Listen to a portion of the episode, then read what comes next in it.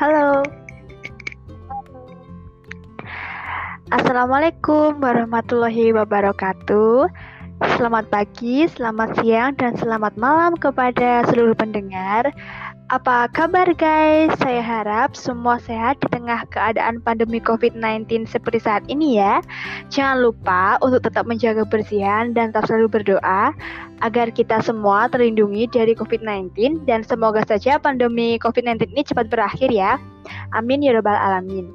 Selamat datang bersama saya Cahya Rika Pravelia bersama rekan saya Lailatul Khairohmah kami dari Audio Freelancers of Department of Education English Unisba, The Entrepreneurial University, universitas terbaik di Blitar Raya.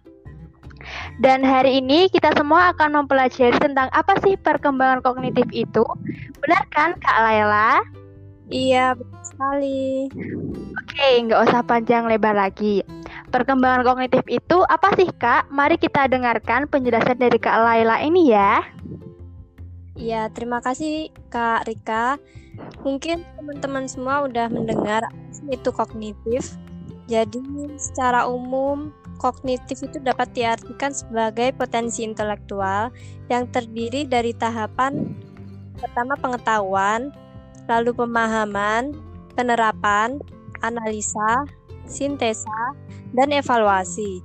Sedangkan perkembangan itu sendiri merupakan suatu proses perubahan seseorang. Jadi, pada intinya, perkembangan kognitif itu merupakan kemampuan seseorang untuk berpikir. Hal ini sesuai dengan teori dari Ahmad Susanto bahwa kognitif adalah suatu proses berpikir yaitu kemampuan individu untuk menghubungkan, menilai, dan mempertimbangkan suatu kejadian atau peristiwa, sehingga pada akhirnya hal ini akan berdampak pada pembentukan kepribadian anak dan bagaimana cara anak tersebut menyikapi hal-hal di sekitarnya. Dan jika jika kognitif anak baik, maka anak akan lebih mudah dalam mengembangkan aspek-aspek perkembangan yang lainnya. Begitu Kak Rika. Oh, jadi begitu teman-teman. Lalu bagaimana sih pentingnya mengembangkan kognitif untuk anak usia dini, Kak? Baik, untuk pentingnya mengembangkan kognitif itu sangatlah penting, Kak.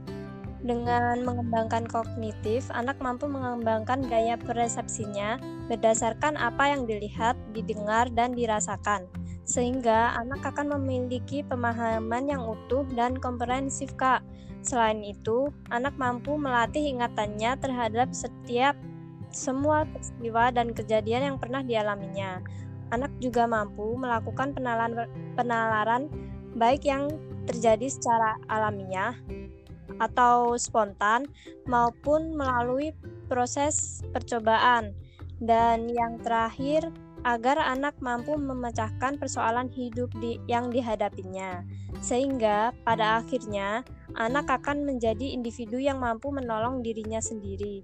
Di sinilah yang menurut saya paling penting, karena saat bertambahnya usia, masalah akan semakin kompleks, baik itu pribadi atau tidak. Nah, untuk itu, anak akan dituntut untuk memecahkan sendiri masalahnya, Kak. Sebab Terkadang masalah pribadi itu tidak seharusnya ia pecahkan dengan orang lain. Mungkin orang lain cukup memberinya saran, tapi selanjutnya ia akan menentukan yang terbaik yang terbaik untuk dirinya sendiri.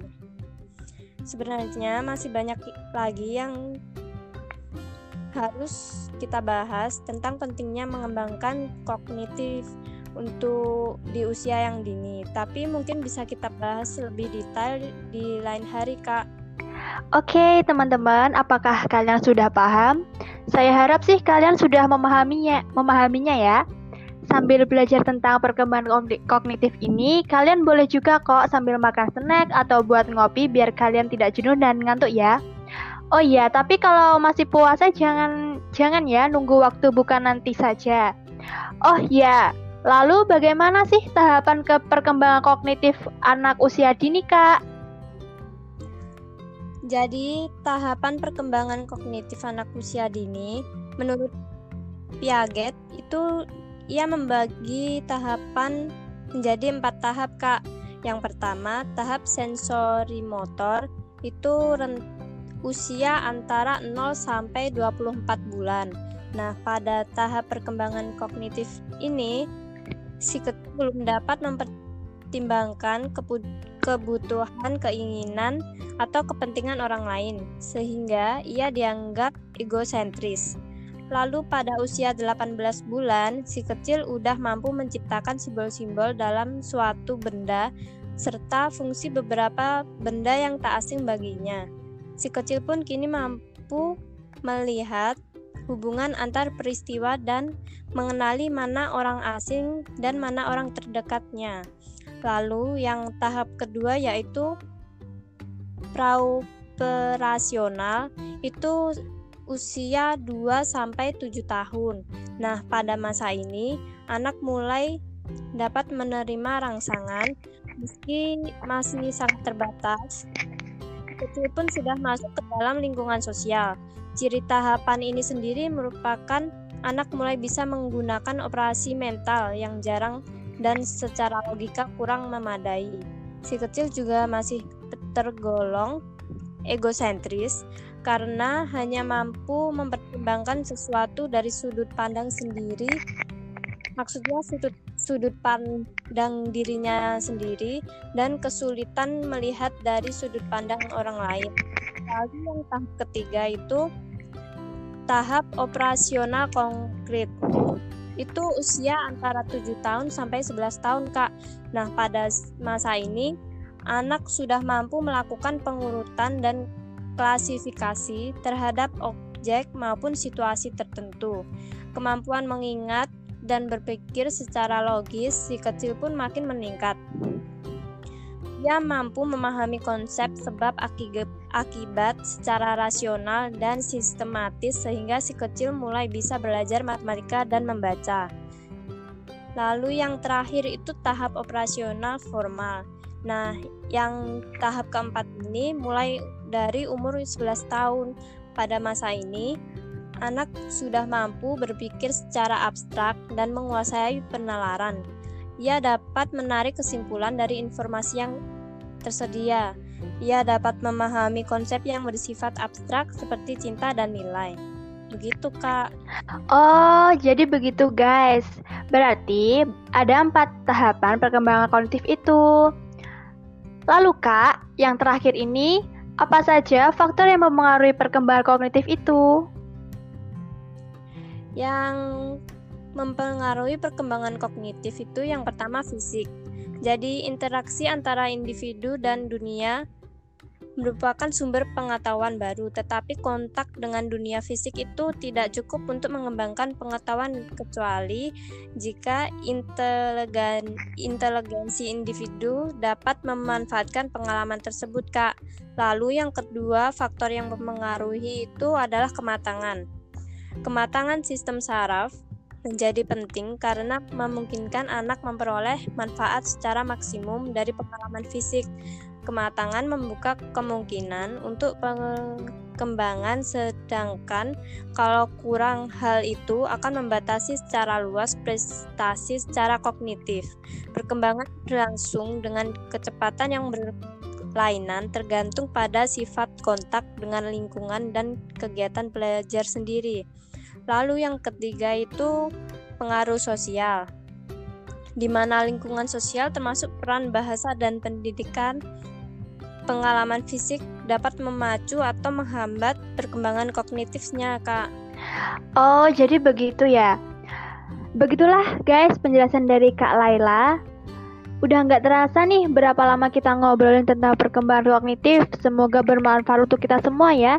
Jangan lupa tetap selalu belajar ya guys agar bertambah wawasannya. Tidak hanya tentang perkembangan kognitif saja, tapi juga lainnya. Sebelumnya, kami mohon maaf apabila terjadi kesalahan dalam tutur kata dan bahasa. Salam sehat dan salam entrepreneur Unisba Kreatif, Integratif, Inovatif, Energik. Sampai jumpa. Wassalamualaikum warahmatullahi wabarakatuh.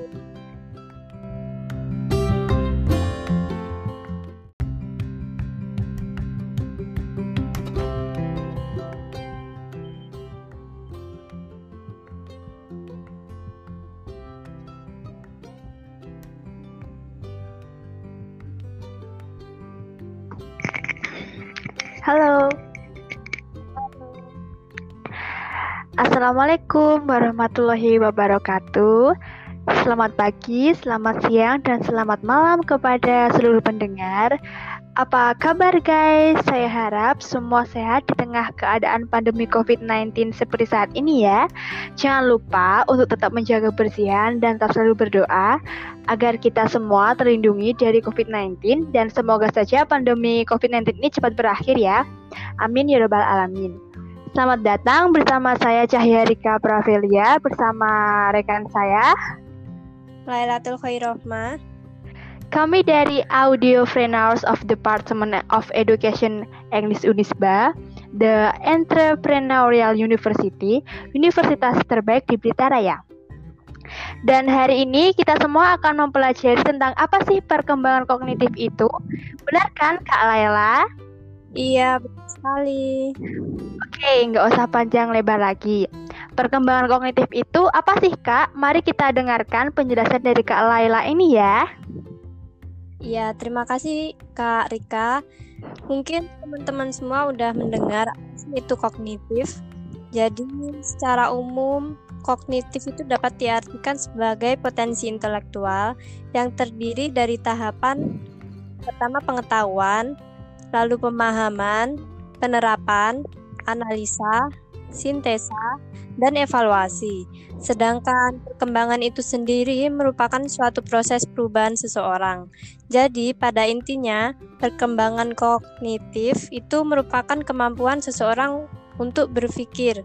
Hal ini sesuai dengan teori dari Ahmad Susanto bahwa kognitif adalah suatu proses berpikir yaitu kemampuan individu untuk menghubungkan, menilai, dan mempertimbangkan suatu kejadian atau peristiwa, sehingga pada akhirnya hal ini akan berdampak pada pembentukan kepribadian anak dan bagaimana cara anak tersebut menyikapi hal-hal di sekitarnya. Dan jika jika kognitif anak baik, maka anak akan lebih mudah dalam mengembangkan aspek-aspek perkembangan yang lainnya. Begitu Kak Rika. Oh, jadi begitu teman-teman. Lalu bagaimana sih pentingnya mengembangkan kognitif untuk anak usia dini, Kak? Baik, untuk pentingnya mengembangkan kognitif itu sangatlah penting, Kak. Dengan mengembangkan kognitif, anak mampu mengembangkan gaya persepsinya berdasarkan apa yang dilihat, didengar, dan dirasakan sehingga anak akan memiliki pemahaman yang utuh dan komprehensif, Kak. Selain itu, anak mampu melatih ingatannya terhadap setiap semua peristiwa dan kejadian yang pernah dialaminya. Anak juga mampu melakukan penalaran, penalaran baik yang terjadi secara alamiah atau spontan maupun melalui proses percobaan. Dan yang terakhir, agar anak mampu memecahkan persoalan hidup di, yang dihadapinya, sehingga pada akhirnya anak akan menjadi individu yang mampu menolong dirinya sendiri. Di sinilah yang menurut saya paling penting, karena saat bertambahnya usia, masalah akan semakin kompleks, baik itu pribadi atau tidak. Nah, untuk itu, anak akan dituntut untuk memecahkan sendiri masalahnya, Kak. Sebab Terkadang masalah pribadi itu tidak seharusnya ia pecahkan dengan orang lain. Mungkin orang lain cukup memberinya saran, tapi selanjutnya ia akan menentukan yang terbaik yang terbaik untuk dirinya sendiri. Sebenarnya masih banyak lagi yang harus kita bahas tentang pentingnya mengembangkan kognitif untuk di usia yang dini. Tapi mungkin bisa kita bahas lebih detail di lain hari, Kak. Oke, teman-teman, apakah kalian sudah paham? Saya harap sih kalian sudah memahaminya, memahaminya ya. Sambil belajar tentang perkembangan kognitif ini, kalian boleh juga kok sambil makan snack atau buat ngopi biar kalian tidak jenuh dan ngantuk ya. Oh iya, tapi kalau masih puasa jangan jangan ya nunggu waktu buka nanti saja. Oh iya, Lalu bagaimana sih tahapan ke perkembangan kognitif anak usia dini, Kak? Jadi, tahapan perkembangan kognitif anak usia dini menurut Piaget itu ia membagi tahapan menjadi empat tahap kak. Yang pertama tahap sensori motor itu usia antara 0 sampai 24 bulan. Nah, pada tahap perkembangan kognitif ini si kecil belum dapat mempertimbangkan kebutuhan, keinginan, atau kepentingan orang lain, sehingga ia dianggap egosentris. Lalu pada usia 18 bulan, si kecil udah mampu menciptakan simbol-simbol dalam suatu benda serta fungsi beberapa benda yang tak asing baginya. Si kecil pun kini mampu melihat hubungan antar peristiwa dan mengenali mana orang asing dan mana orang terdekatnya. Lalu yang tahap kedua yaitu praoperasional itu usia 2 sampai 7 tahun. Nah, pada masa ini anak mulai dapat menerima rangsangan meski masih sangat terbatas. Kecil pun sudah masuk ke dalam lingkungan sosial. Ciri tahapan ini sendiri merupakan anak mulai bisa menggunakan operasi mental yang jarang dan secara logika kurang memadai. Si kecil juga masih tergolong egosentris karena hanya mampu mempertimbangkan sesuatu dari sudut pandang sendiri maksudnya sudut sudut pandang dirinya sendiri dan kesulitan melihat dari sudut pandang orang lain. Lalu yang tahap ketiga itu tahap operasional konkret. Itu usia antara 7 tahun sampai 11 tahun, Kak. Nah, pada masa ini anak sudah mampu melakukan pengurutan dan klasifikasi terhadap objek maupun situasi tertentu. Kemampuan mengingat dan berpikir secara logis si kecil pun makin meningkat. Ia mampu memahami konsep sebab akibat secara rasional dan sistematis sehingga si kecil mulai bisa belajar matematika dan membaca. Lalu yang terakhir itu tahap operasional formal. Nah, yang tahap keempat ini mulai dari umur 11 tahun. Pada masa ini, anak sudah mampu berpikir secara abstrak dan menguasai penalaran. Ia dapat menarik kesimpulan dari informasi yang tersedia. Ia dapat memahami konsep yang bersifat abstrak seperti cinta dan nilai. Begitu, Kak. Oh, jadi begitu, guys. Berarti ada empat tahapan perkembangan kognitif itu. Lalu, Kak, yang terakhir ini apa saja faktor yang mempengaruhi perkembangan kognitif itu? Yang mempengaruhi perkembangan kognitif itu yang pertama fisik. Jadi interaksi antara individu dan dunia merupakan sumber pengetahuan baru, tetapi kontak dengan dunia fisik itu tidak cukup untuk mengembangkan pengetahuan kecuali jika inteligen, inteligensi individu dapat memanfaatkan pengalaman tersebut, Kak. Lalu yang kedua, faktor yang mempengaruhi itu adalah kematangan. Kematangan sistem saraf menjadi penting karena memungkinkan anak memperoleh manfaat secara maksimum dari pengalaman fisik. Kematangan membuka kemungkinan untuk pengembangan sedangkan kalau kurang hal itu akan membatasi secara luas prestasi secara kognitif. Perkembangan berlangsung dengan kecepatan yang berlainan tergantung pada sifat kontak dengan lingkungan dan kegiatan belajar sendiri.